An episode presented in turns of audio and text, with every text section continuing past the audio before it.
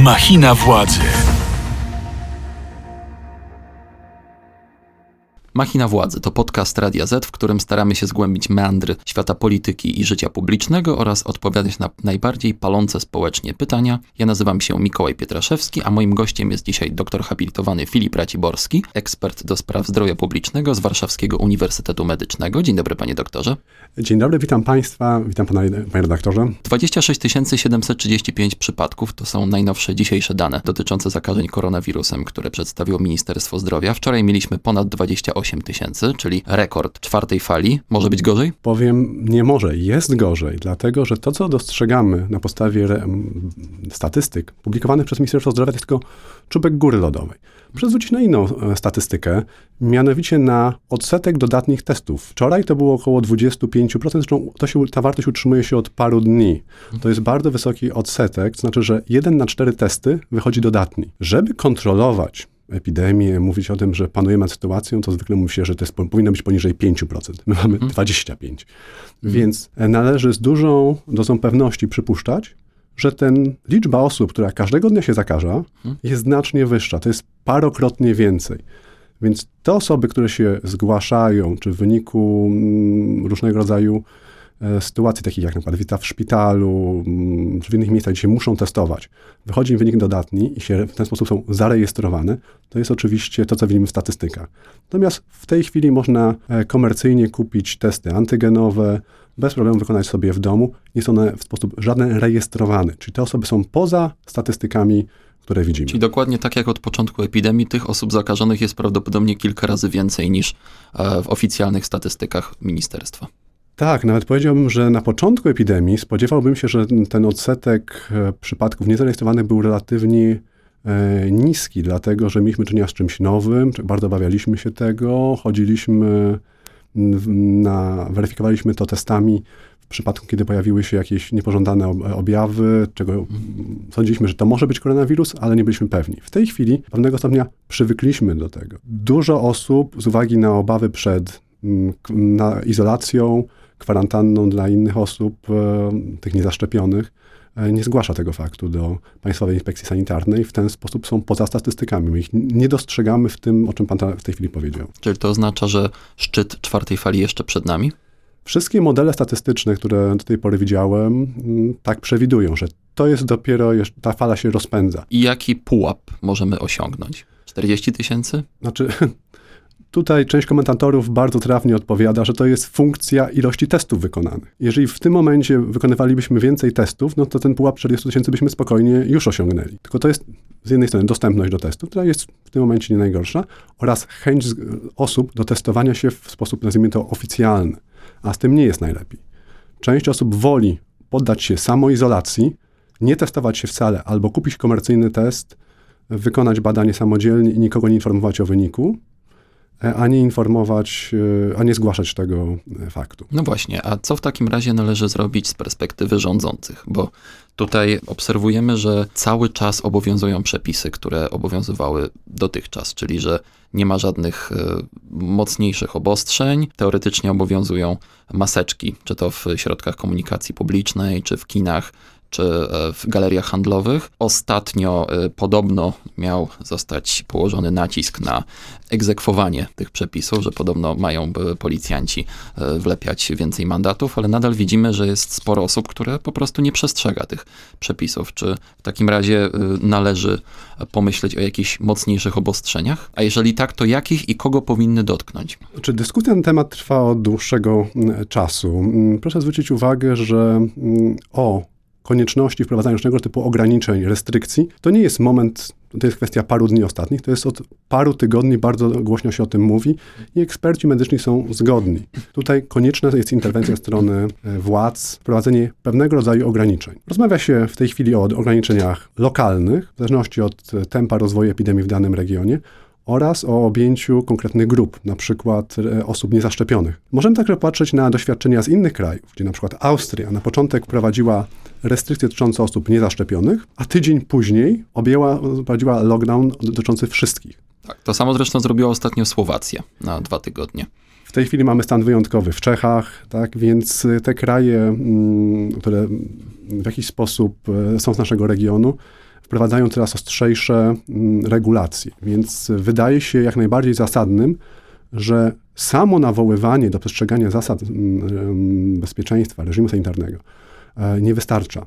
Tym bardziej, że już poprzednio, podczas poprzednich fal, z przestrzeganiem tych zasad, no nie było najlepiej. Miałem okazję być w, za granicą w okresie wakacyjnym w Hiszpanii i byłem zaskoczony tym, jak tamto społeczeństwo stosowało się do właśnie noszenia maseczek. W każdym sklepie w pomieszczeniu zamkniętym widziałem ludzi w maskach. Co więcej, kiedyś przez pomyłkę, niedopatrzenie wszedłem do e, jakiegoś sklepu spożywczego, który był częściowo, wydawało mi się też otwarty, bo nie miał przedniej ściany, tak? Wydawało się, że to jest część ulicy.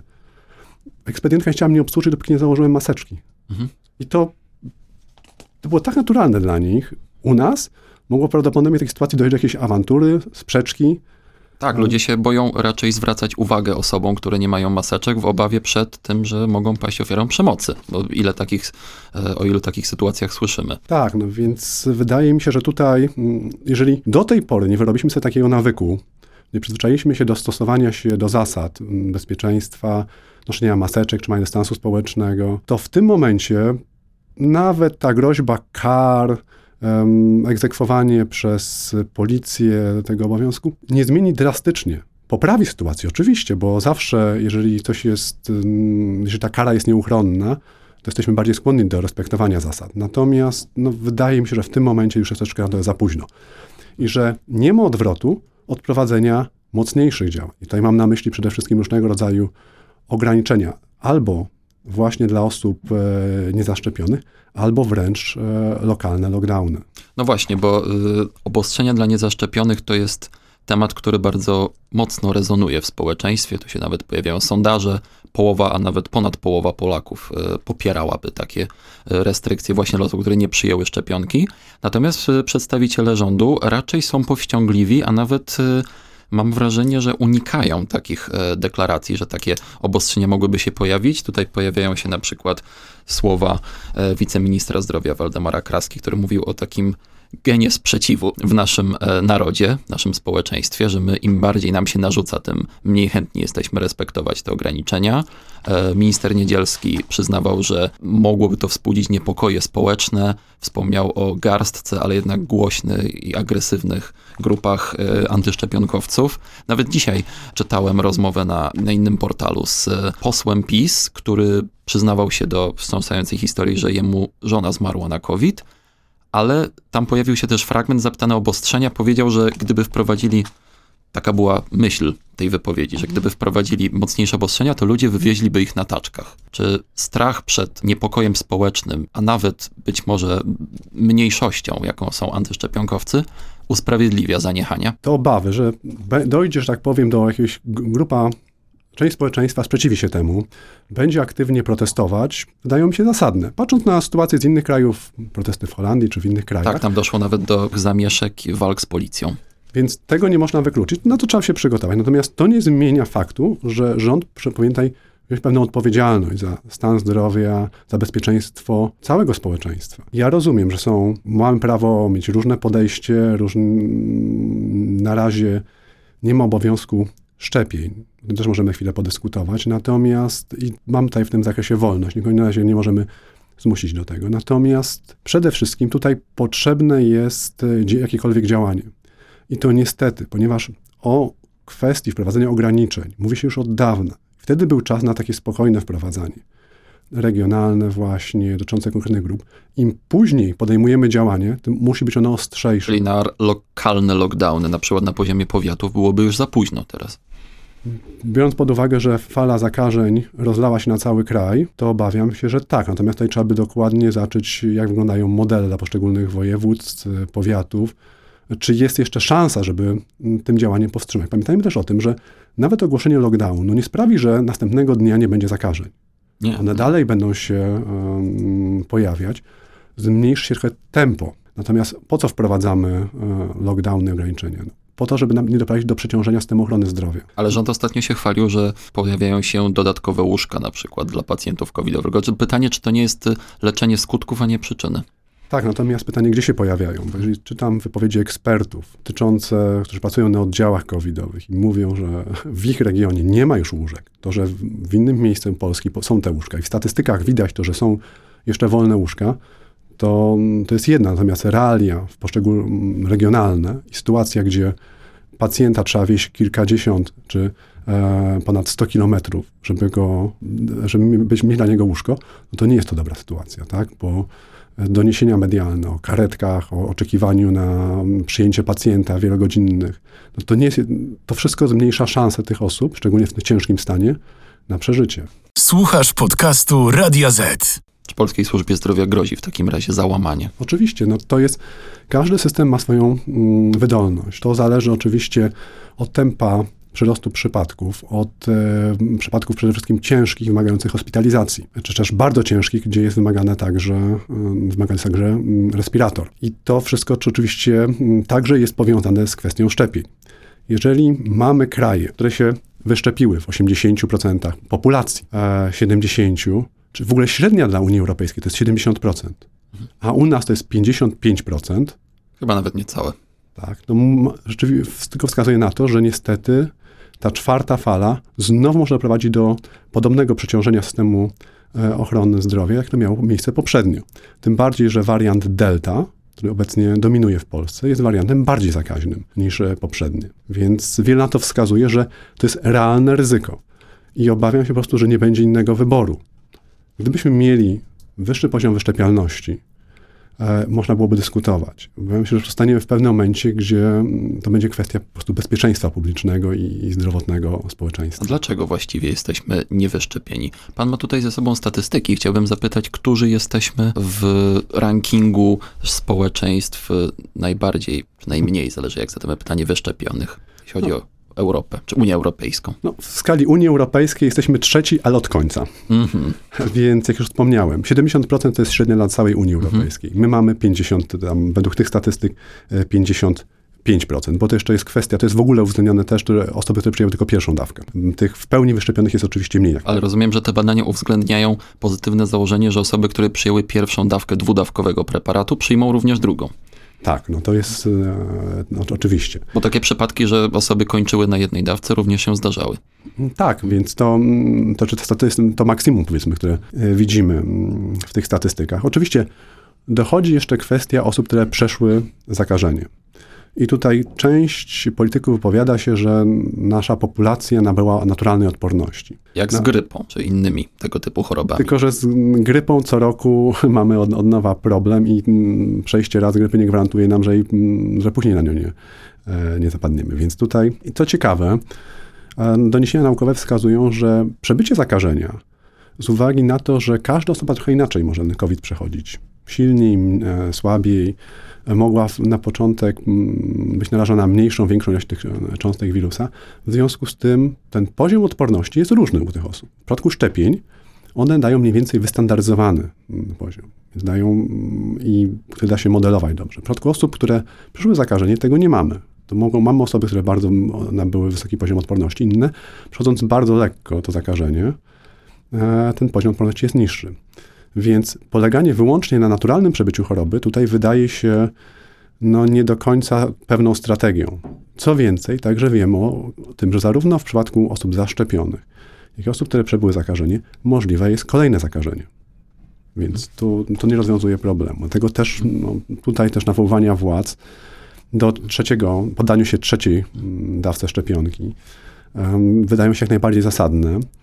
I te osoby, mm, które już pół roku minęło od ich zaszczepienia, albo mają, mają upośledzony system odpornościowy, no nie, niewątpliwie powinny takie szczepienie dodatkowe wykonać. Pan prowadzi badania dotyczące tego, czy i jak Polacy się szczepią. Z jakich powodów przyjmują te szczepionki? Jaki jest właściwie najczęstszy powód przyjęcia bądź odmowy?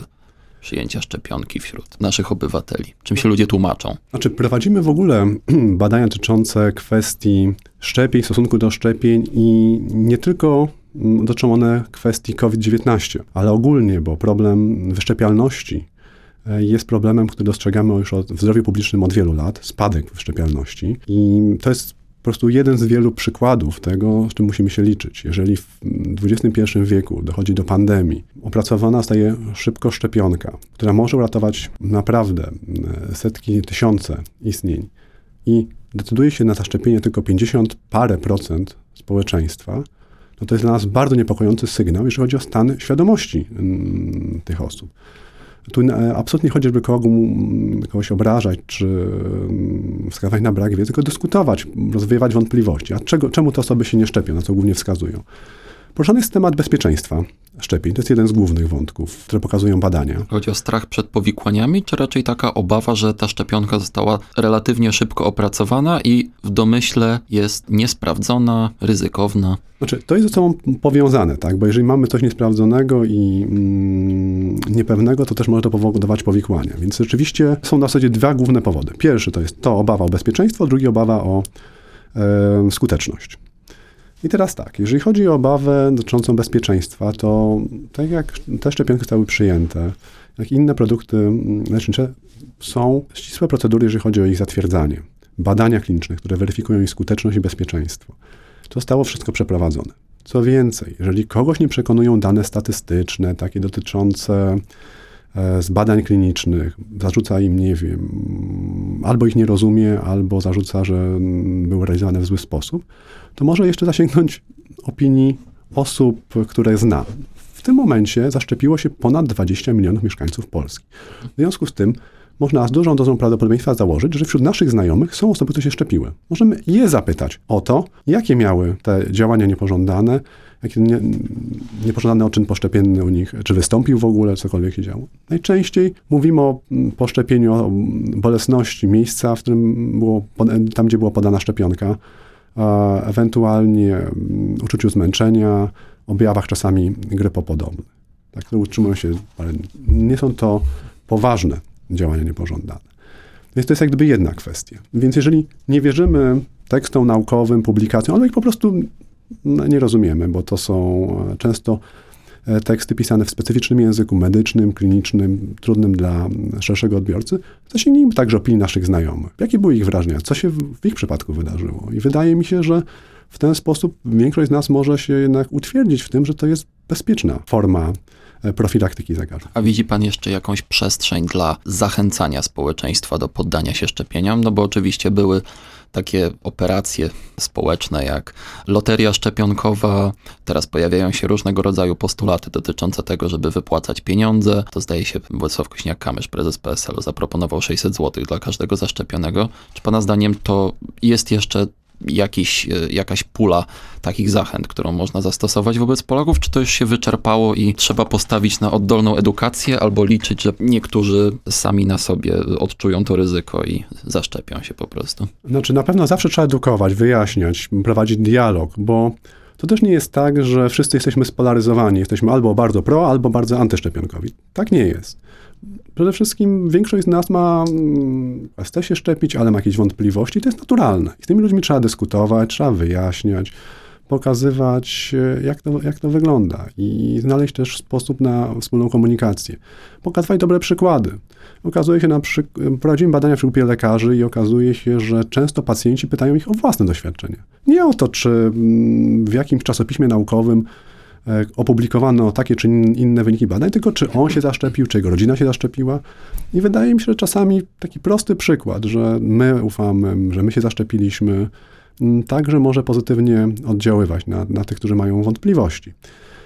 Czy zachęty, o których Pan tutaj wspomniał, zmienią diametralnie sytuację? Obawiam się, że nie. One oczywiście mogą pomóc zwiększyć liczbę osób, które poddadzą się szczepieniu, natomiast wydaje się, że doszliśmy już do sytuacji, gdzie jest potrzebny impuls. I na przykład ograniczenia dla osób e, niezaszczepionych mogły być tego rodzaju czynnikiem. Jeżeli analizujemy motywy, dlaczego osoby się zaszczepiły, to często nie jest to związane z tym, mm, co byśmy oczywiście chcieli usłyszeć, że to jest ochrona samego siebie, profilaktyka, ochrona innych, bezpieczeństwo. Mm, nie, oni na przykład mówią, że chcą bezpiecznie, chcą podróżować, bez kłopotów. Chcą mieć paszport covidowy, jechać do innego kraju bez testów, wrócić do Polski. Znam dość kuriozalny przypadek pielęgniarki, która nie chciała się szczepić przeciw COVID. To już samo w sobie jest dość e, intrygujące, a zaszczepiła się, ponieważ wykupiła sobie wycieczkę na Zanzibar i w przeciwnym razie nie mogłaby tam polecieć, więc nawet takie motywacje czasami stoją za decyzją o szczepieniu. Tak, więc to też trzeba się temu dokładnie przyjrzeć, przeanalizować, więc tutaj mm, wydaje mi się, że takie proste zachęty, oczywiście można mm, nagrody. Przy loteriach jest taki problem, że jeżeli nie wierzymy w to, że wygramy, to nie stanowi to dla nas żadnej zachęty. E, więc e, oczywiście pewna nagroda, jakieś wypłacenie osobom za zaszczepienie się może też mm, przyniosłoby jakieś, jakąś poprawę sytuacji, ale obawiam się jednak, że realnym impulsem byłoby wprowadzenie pewnych ograniczeń. Zdaję sobie z tego sprawę, że to będzie bardzo źle odebrane przez część, część osób. Tak? Bardzo nie lubimy, jak nas ktoś w ogóle ogranicza, odbiera nam nasze prawa, chcemy być wolni, żyć tak jak dawniej. Natomiast sytuacja się zmieniła. Słuchasz podcastu Radia Z. A nie obawia się panu, że on nie zostanie wprowadzany właśnie dlatego, że rząd boi się przynajmniej części swojego elektoratu, który jest niezaszczepiony? No bo e, ze wszelkich badań wynika, że jednak spora część wyborców PiSu to są osoby przynajmniej e, szczepionko-sceptyczne i to też zachodzi obawa, że na przykład w przypadku prowadzenia takich restrykcji część z tych wyborców mogłaby odejść do jeszcze bardziej skrajnej konfederacji. Czy rzeczywiście tutaj kalkulacja polityczna może zwyciężyć nad kwestią bezpieczeństwa? Znaczy, wydaje mi się, że to jest jeszcze kwestia mm, bardziej złożona, bo w klubie PiS są osoby, które jawno, jasno deklarują niechęć do albo szczepień, tak. albo w ogóle wprowadzania restrykcji. I taka decyzja może doprowadzić do poważnych perturbacji wewnątrz samego mm, klubu. Natomiast um, oczywiście, no, Patrząc, jak wspomnieliśmy, wcześniej, nie da się wykluczyć, e, nawet powiedziałbym, że jestem przekonany, że takie wydarzenia będą miały miejsce. Gdyby wprowadzono restrykcje, będą protesty, tak jak mieliśmy wcześniej do czynienia.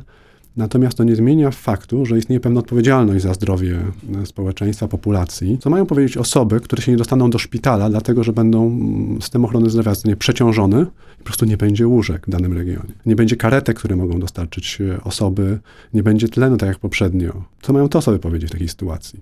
One chciały mm, się zaszczepić, zaszczepiły się, ale na przykład powodu ich tego, że mają gorszą odporność jako tak, szczepienie nie chroniło ich w 100%. Więc e, obawiam, trzeba myśleć po prostu w kategoriach e, dobra wspólnego. Istnieje taka obawa, bo teraz mówimy o trzeciej dawce szczepionki, że część osób nie przyjmie jej, mimo że przyjęła dwie poprzednie, Właśnie dlatego, że po pierwsze, znów e, pogarszają się statystyki dotyczące zakażeń. Po drugie, być może rząd nie będzie chciał wprowadzić obostrzeń tylko dla zaszczepionych, tylko dla wszystkich, bo być może będzie na tyle dramatyczna sytuacja i ktoś sobie myśli, Boże, zaszczepiłem się i to nic nie dało. I myśli pan, że istnieją takie, istnieje obawa, że coś takiego może się pojawić w głowie niektórych osób? Z całą Taka pewnością. Myśl? Mhm. Dlatego, że zwróćcie uwagę, na początku, kiedy pojawiły się szczepionki, mieliśmy nadzieję, że one będą, ta odporność będzie bardziej trwała. W tej chwili publikacje naukowe mówią o, że po sześciu miesiącach w zasadzie jest konieczne ponowne szczepienie. A być może nawet pięciu będzie taka rekomendacja. Tak, tak. I to jeszcze, a w ogóle w grupach, które są szczególnego, szczególnego ryzyka, tam gdzie jest to upośledzenie odporności, to jeszcze wcześniej. Tak, ale to jest jak gdyby osobny mm, temat. Więc to jest troszeczkę zmiana sposobu komunikowania. Mieliśmy na początek mieć szczepionkę, która nas uwolnia w ogóle od problemu. Teraz mamy szczepionkę, która jest skuteczna, pomaga, ale wymaga jednak ponownego zaszczepienia po jakimś czasie.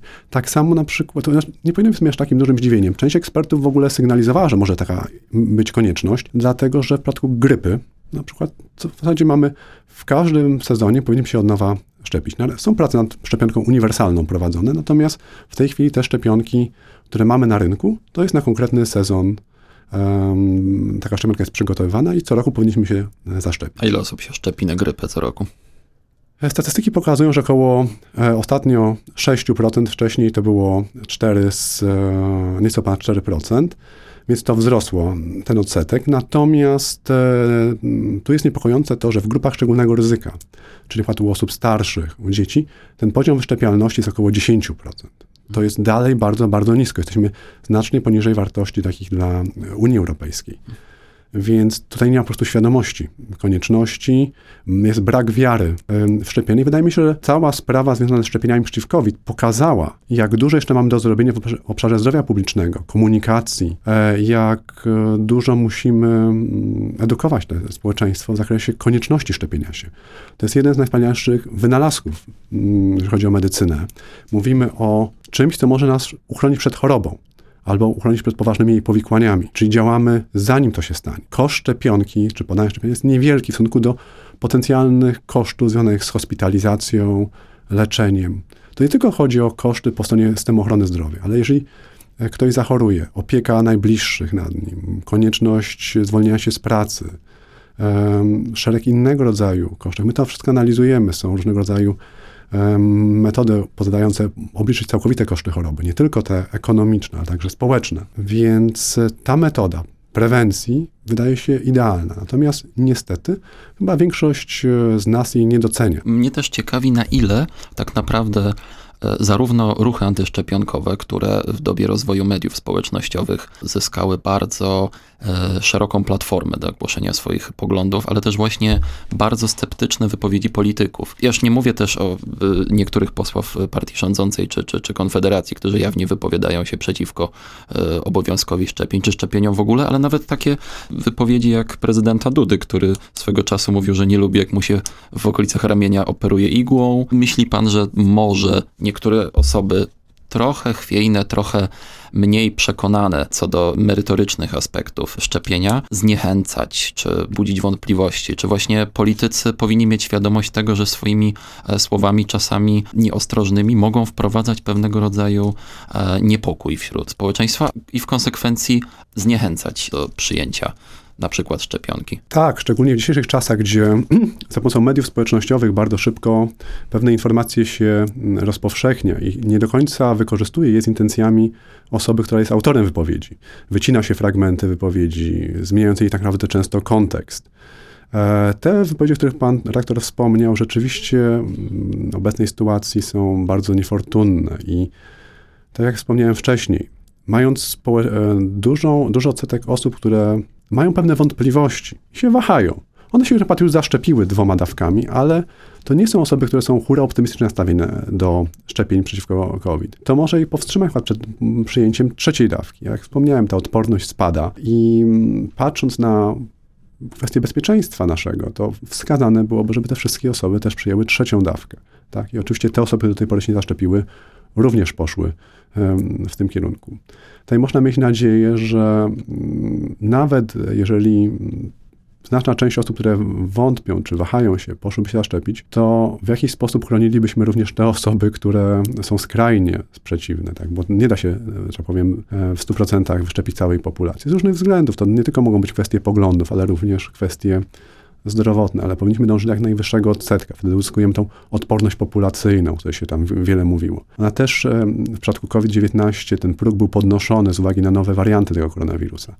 Na początku mówiono, że 60, tam 70, obecnie 80% musi być e, populacji wyszczepione, żeby e, uzyskać ten poziom ochrony. I mm, to wydaje mi się dla nas powinno być e, kluczowym, żeby zadbać właśnie o osiągnięcie tych mm, wskaźników wysokiego, wysokiego wyszczepienia i także tak, te szczepienie trzecią dawką tutaj też stanowi ważny element tej strategii bezpieczeństwa, powiedziałbym, zdrowotnego.